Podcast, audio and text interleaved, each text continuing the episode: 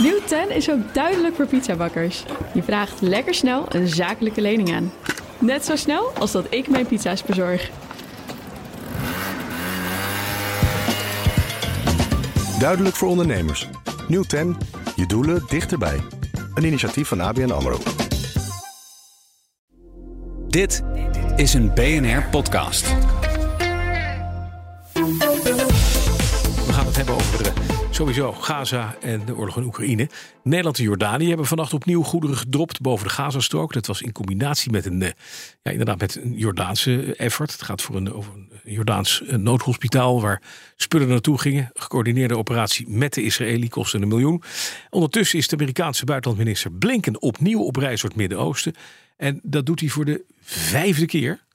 Zweden moet nog steeds wachten op NAVO-lidmaatschap. En dat is voor de 500ste keer omdat we op de Hongaren wachten. We gaan uh, genoeg bespreken met buitenlandcommentator Bernard Hammelburg en Europa-verslaggever Geert-Jan Haan. Mannen, goedemorgen. Goedemorgen. Goedemorgen. Bernard, allereerst even over die dropping. De tweede, zondag was er ook al eentje. Uh, gisteren weer. Wat, wat zegt het jou dat wij hier aan bijdragen? Nou, ik, ik vind het heel goed dat ja. we daaraan bijdragen. Om een aantal redenen. In de eerste plaats gaat het in coördinatie met partijen. Dus ook met de Israëliërs en met de Gazanen. Dat is voor zichzelf wel bijzonder. Inhoudelijk is het goed. Het zijn spullen die hard nodig zijn.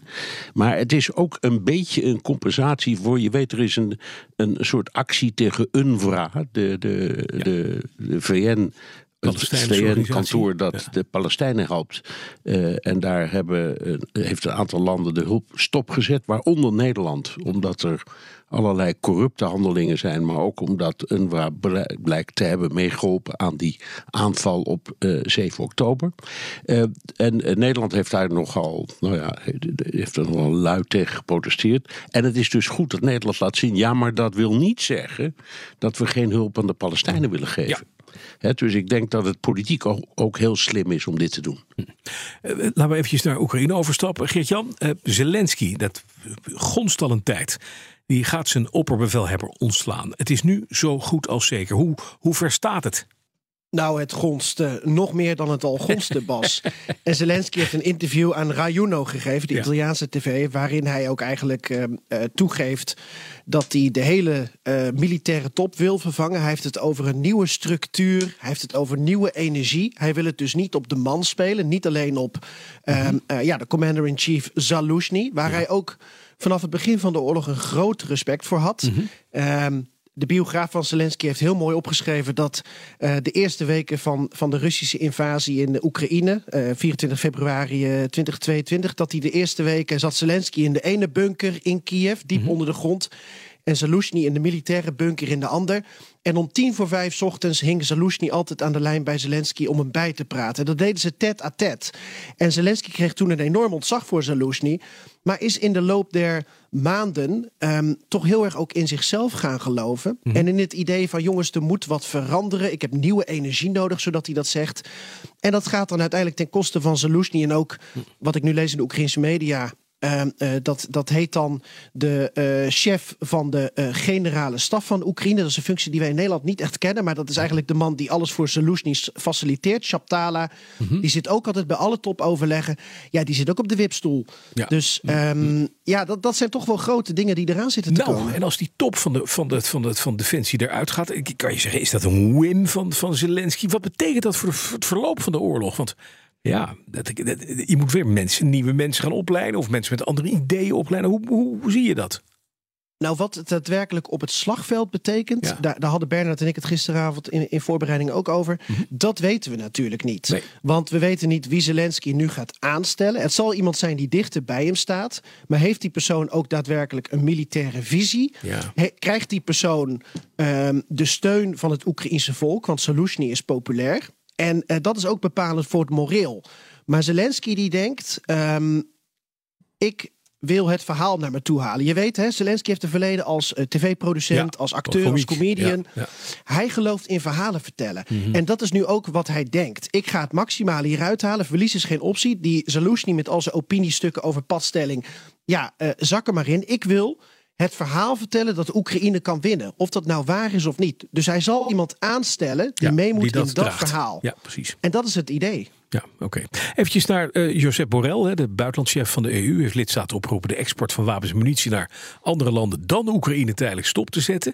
Uh, dat is wel iets wat, uh, wat Zelensky goed kan gebruiken. Plus het feit dat ook in Amerika nu langzamerhand de, het sentiment wat lijkt te kantelen. En het enorme bedrag wat de Amerikanen hebben vrijgemaakt om Oekraïne te helpen, wellicht gaat vallen. Bernard, hoe kijk jij daar tegenaan? Nou, ik vind het in de eerste plaats een stommiteit van Borrell om dat zo te zeggen. Mm -hmm.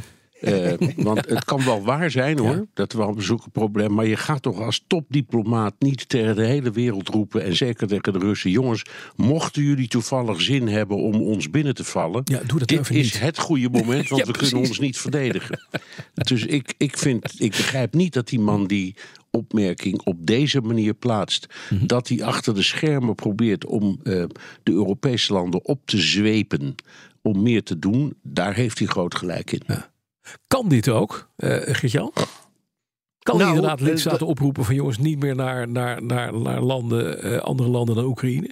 Gewoon even. Hij kan oproepen wat hij wil. Ja, ja, maar uh, het is aan de landen om, om te zeggen: die contracten, daar ja, willen we uh, aan morrelen. En vergeet niet, Borrell is net met de trein in Kiev aangekomen. En Um, we hebben te maken in Europa met een aantal mensen die zich druk maken over uh, de munitie voor Oekraïne. En we weten dat het heel moeilijk is aan het front voor Oekraïne, want de munitie raakt op. Er is een eurocommissaris, uh, Breton, voor industrie. Ja. En die heeft gezegd: ach, weet je, in maart, over een maand, 1,3 miljoen artilleriestuks, 1,4 miljoen gaan we makkelijk halen. Borrell die zegt nu: uh, in feite, als je door de regels heen leest, hm. ja, ik denk dat de helft van die 1,4 miljoen naar Oekraïne gaat. Want de andere helft die we produceren, ja. en we produceren dus wel Bas, maar die andere helft, dat zijn gewoon bestaande contracten. Ja, precies. Dus je, je moet naar landen als ja. Mexico, naar landen als India. Hm. Maar ga maar eens tegen India zeggen, um, sorry, als daar een deal mee is. Ja, we leven uh, sorry jongens, uh, Pakistan moet dan ook even koers blijven. Weet je, al die landen hebben natuurlijk hun eigen problemen, hun eigen angsten. Dus. Um, ja, uh, ik, ik, ik denk niet dat heel veel landen hier gehoor aan gaan geven. Nee. Eventjes naar het Midden-Oosten, naar de Gazastrook. Want de Amerikaanse minister van Buitenlandse Zaken, Anthony Blinken, is voor de vijfde keer in, uh, in het Midden-Oosten op crisisreis. Bernard, wat, wat, hij gaat de usual suspect weer af? Hij, hij, hij, doet een soort vast rondje. Ja. En het heeft iets heel tragisch, vind ik, zo langzamerhand. Hij is inmiddels al in Saudi-Arabië geweest. Hij is, meen ik, nu in uh, Cairo, dus hij doet dat tamelijk snel allemaal. En het draait steeds maar om dezelfde thema's.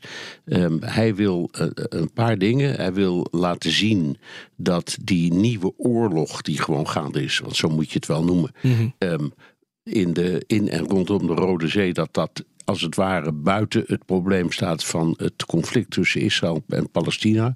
Hoewel de Houthis daar heel anders over denken, maar dat, dat is een van zijn ja, thema's. Maar veel belangrijker is het streven naar dat, die wapenstilstand en het uitleveren van um, gijzelaars. Hmm. En daar loopt het steeds op vast, omdat uh, Hamas zegt: uh, er valt met ons niet te praten zolang er niet uh, een volledig staakt het vuren komt. Dan kun je het verder vergeten. Ja. De Israëli's zeggen op hun beurt: ja, zeker, zeker net aan jou. Wij gaan niet stoppen voordat Hamas echt is uitgeschakeld. Ja. Hmm. En voordat we uitzicht hebben op uitlevering van die. Uh, gijzelaars. gijzelaars precies, en het is, ja. ja. dat is een soort padstelling. Ja. En daar probeert hij doorheen te komen. En het opmerkelijke is dat al die landen die hij aandoet, die zijn eigenlijk erg op zijn hand. Hm. Dus de, de, de, de, de, uh, de Saoedi's zeggen, aan ons zal het niet liggen. Wij zijn ook nog steeds bereid om banden aan te knopen met Israël. Um, als ze maar uh, een, een, teken geven dat ze willen praten ja. over een onafhankelijk Palestina. Hm. Nou, dan roepen de Israëliërs daarvan, er is geen sprake van, daar kunnen we niet over praten. Dus al die landen die die aandoet, of het de, de Qatar, uh, Egypte, Jordanië, uh, de Westbank, overal krijgt hij signalen van, nou ja, wij willen best meewerken, behalve van de hoofdrolspelers. Ja. Die liggen dwars. En hoe krijg je die, die om? Nou dat is een probleem. Ja, duidelijk. Uh, tot slot nog eventjes. Zweden moet langer wachten op NAVO-lidmaatschap. Want nu ligt het Hongaars parlement weer dwars. Sterker nog, de parlementsleden van Fidesz, dat is de partij van Orbán, die liggen dwars. Ze kwamen niet opdagen bij een stemming, vertelt correspondent Stefan Bos. Het heeft gewoon te maken met het feit, en het is bijna niet te geloven, maar dat ze nog steeds op reces zijn. Ze zijn gewoon nog op vakantie tot 26 februari. Ja, tot die tijd zeggen we tegen Zweden, jammer, gaat even niet door. Geert-Jan, wat is dit voor praktijk? Wat zegt dat dat, dat Orbán zijn fractie niet even terughaalt voor deze belangrijke stemming? Ja, in diplomatieke kringen is dit heel gênant. En we weten dat alles en iedereen uh, klaar is met Orbán... en hem het liefst de hele tijd naar, naar een toilet stuurt. Ja, precies. Kijk, ik, kom je ik was bij de NAVO-top in, ehm, in Litouwen. Dat was in juli.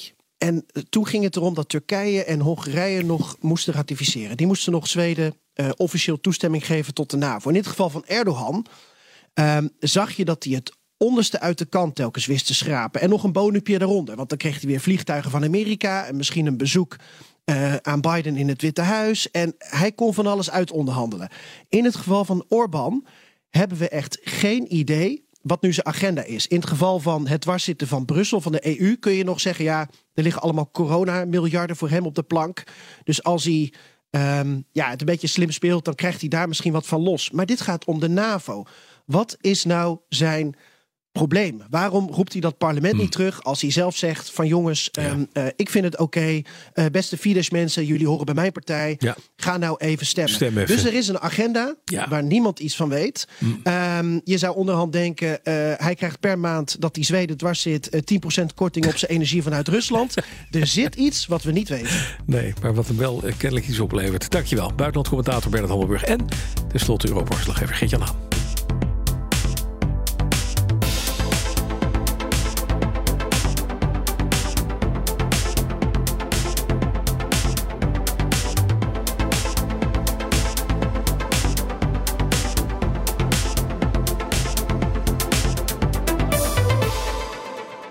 Nieuw 10 is ook duidelijk voor pizzabakkers. Je vraagt lekker snel een zakelijke lening aan. Net zo snel als dat ik mijn pizza's bezorg. Duidelijk voor ondernemers. Nieuw 10, je doelen dichterbij. Een initiatief van ABN AMRO.